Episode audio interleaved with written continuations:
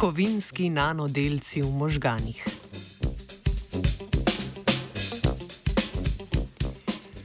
Mednarodna raziskovalna skupina v reviji Science Advances poroča o odkritju elementarnega bakra in železa v amiloidnih plakih iz možganov pacijentov z Alzheimerjevo boleznijo.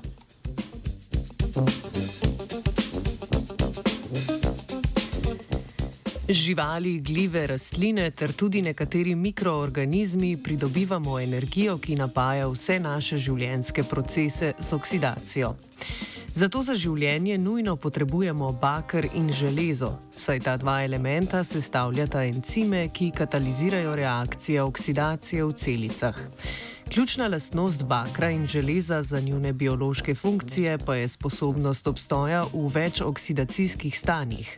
Oksidacijsko stanje je v kemiji indikator stopnje oksidacije, torej izgube elektronov, atoma oziroma spojine.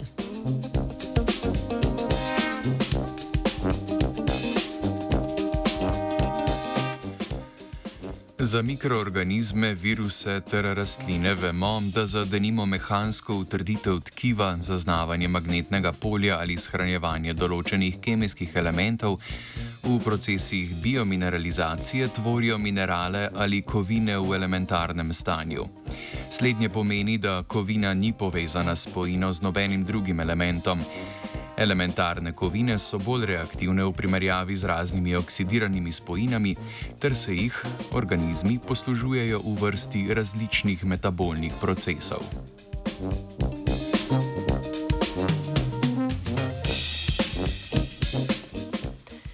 Danes je na voljo le malo informacij o procesih biomineralizacije železa in bakra v možganih, čeprav se motnje v procesih privzemanja, skladiščenja in izločanja kovinskih ionov v možganih povezuje z raznimi nevrodegenerativnimi motnjami, vključno z Alzheimerjevo boleznijo.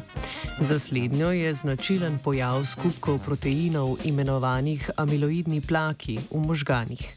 Amiloidni plaki vsebujejo tudi železove okside v različnih oksidacijskih stanjih, ki so potencialno nevrotoksični in morda pripomorejo k napredovanju bolezni.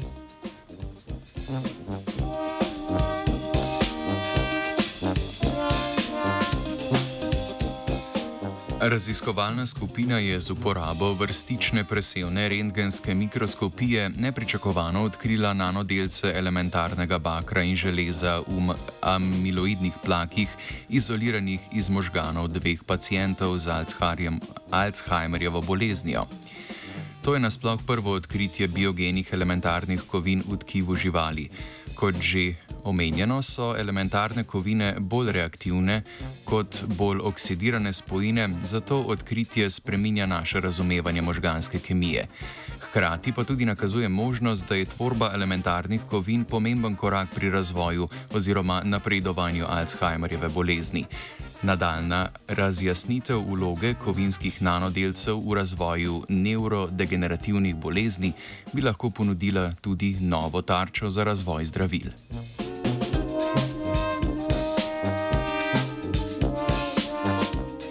Kovinske nanodelce je mikroskopirala Angelika.